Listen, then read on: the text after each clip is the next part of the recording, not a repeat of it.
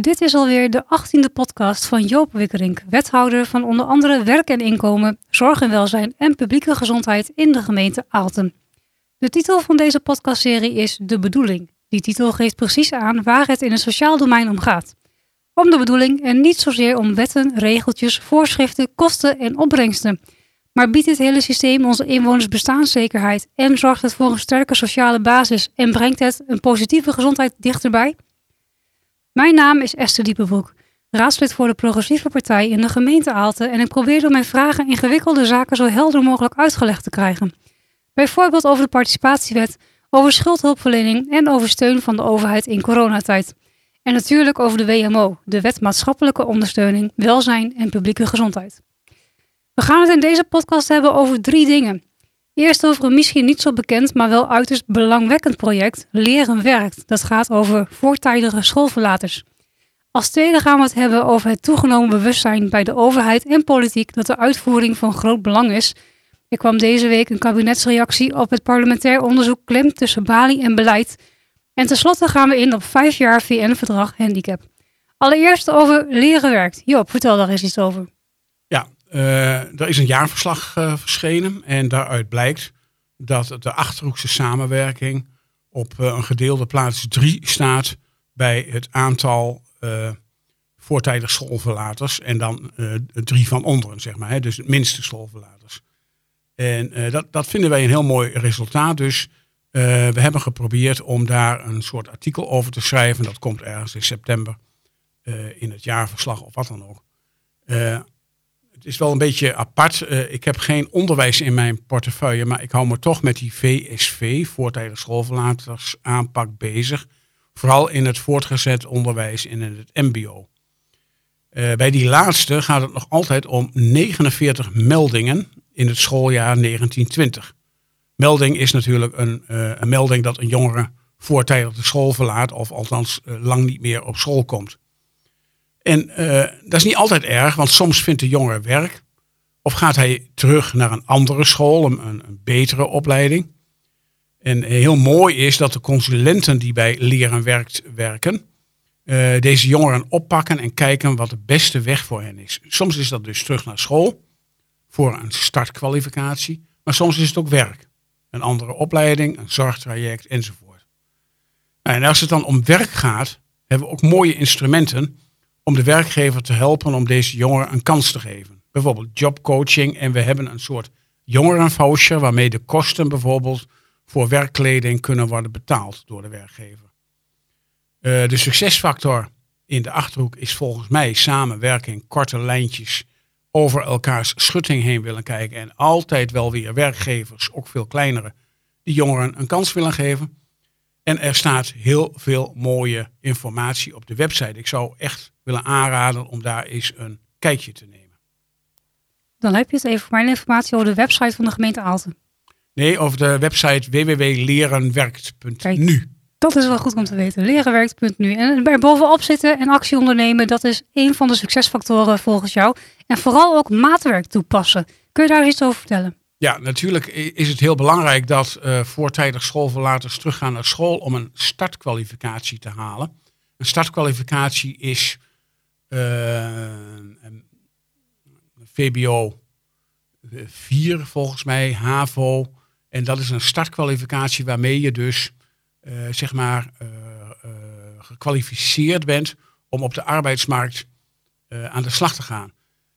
maar soms lukt dat gewoon niet om een jongere een aan een startkwalificatie te helpen.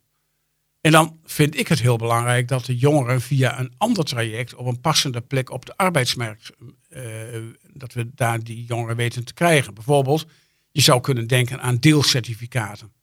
Uh, ik heb wel eens meegemaakt dat bijvoorbeeld in een garage uh, er een deelcertificaat wordt uitgereikt voor bandenwisselen. Nou, die jongen die kan heel goed banden wisselen, krijgt geen totale diploma en startkwalificatie, maar hij heeft wel een deelcertificaat bandenwisselen. En dan weet de werkgever precies wat hij dan kan uh, en of hij hem dus uh, kan gebruiken. En ik zie gelukkig dat in, in onze regio heel wat bedrijven zijn die deze jongeren een kans willen geven. En dat is niet altijd makkelijk, want ja, sommige jongeren hebben best wel eens een gebruiksaanwijzing.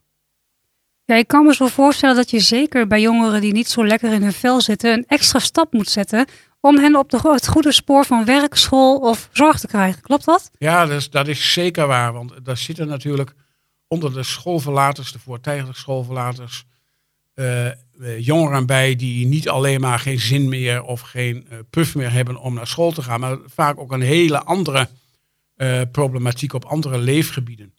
En dus ik denk ook dat naast de bereidheid van bedrijven en de effectieve samenwerking in de regio, uh, heel erg belangrijk is dat die professionals waar mensen mee te maken hebben, uh, de actieve houding uitstralen en er bovenop zitten en erachteraan gaan en mensen onder de arm nemen en op een plek brengen. En, en als je kijkt naar uh, VSV-beleid, voortijdig schoolverlatersbeleid, is de wettelijke taak eigenlijk alleen maar het registreren. Maar wij doen veel meer. Uh, we zijn dus gespitst op de eerste signalen. We werken aan preventie en pakken de uh, oorzaken van schoolverzuim aan.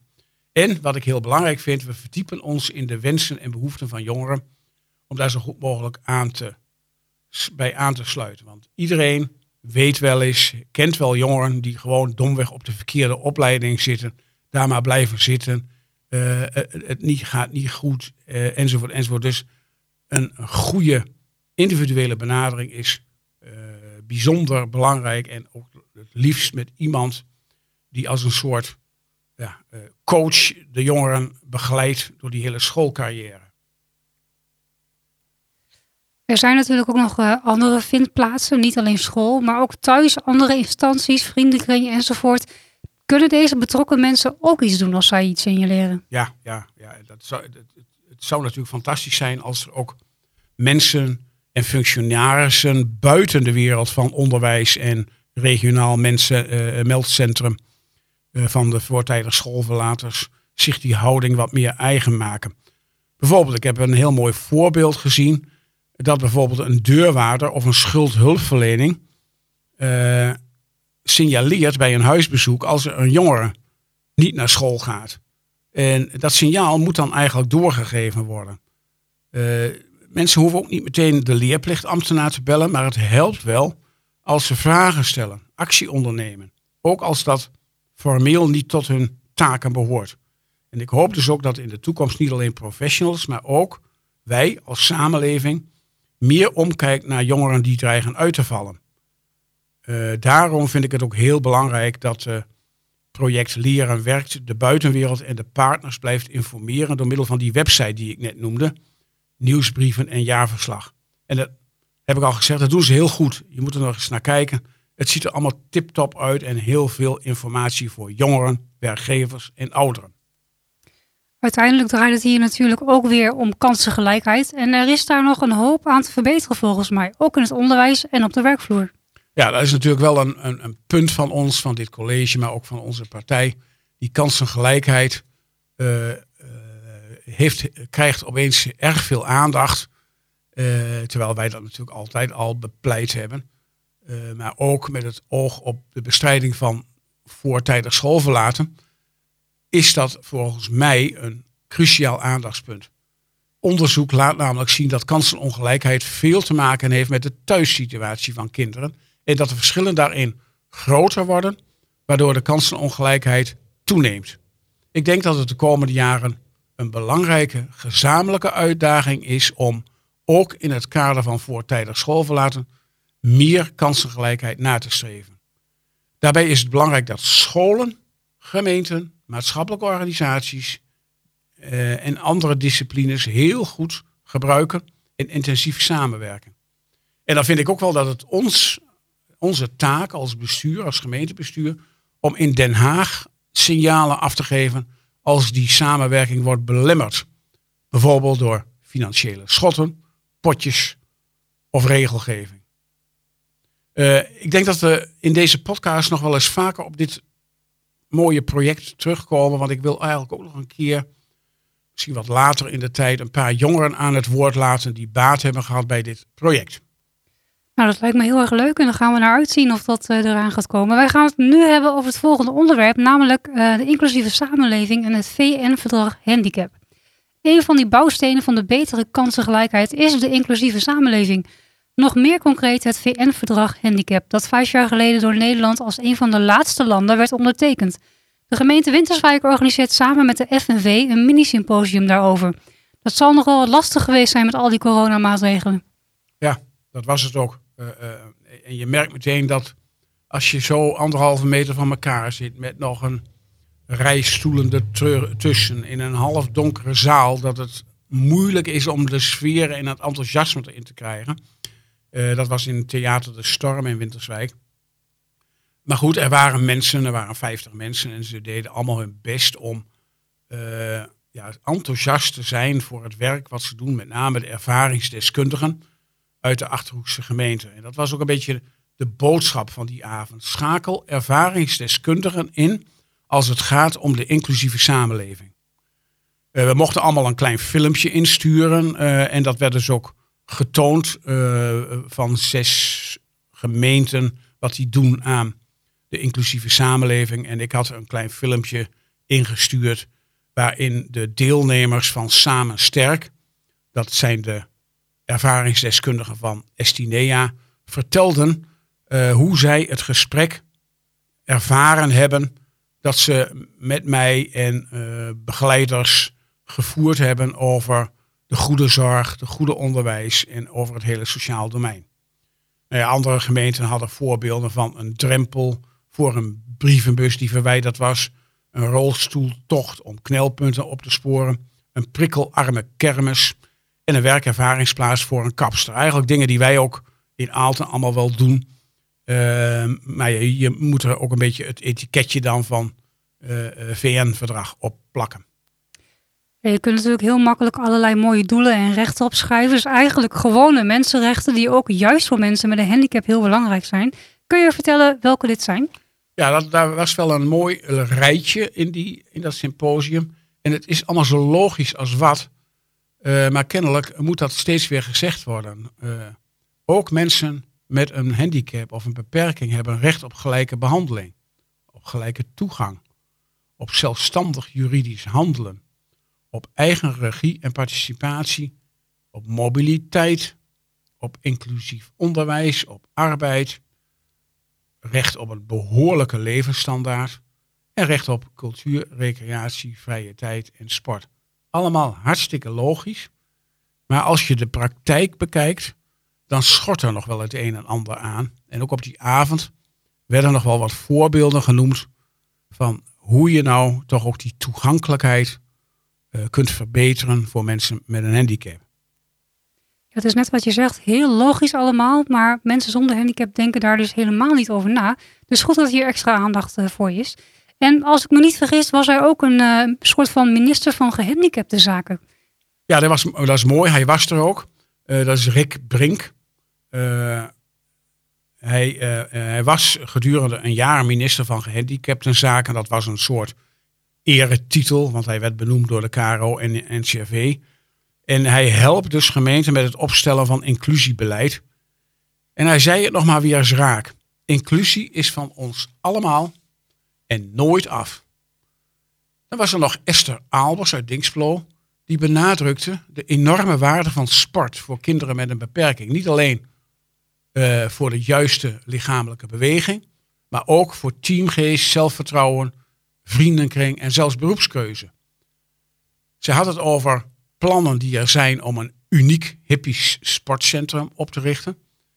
En ze liet een filmpje zien waaruit blijkt hoe goed, maar ook hoe ingewikkeld paardrijden is voor mensen met verschillende beperkingen.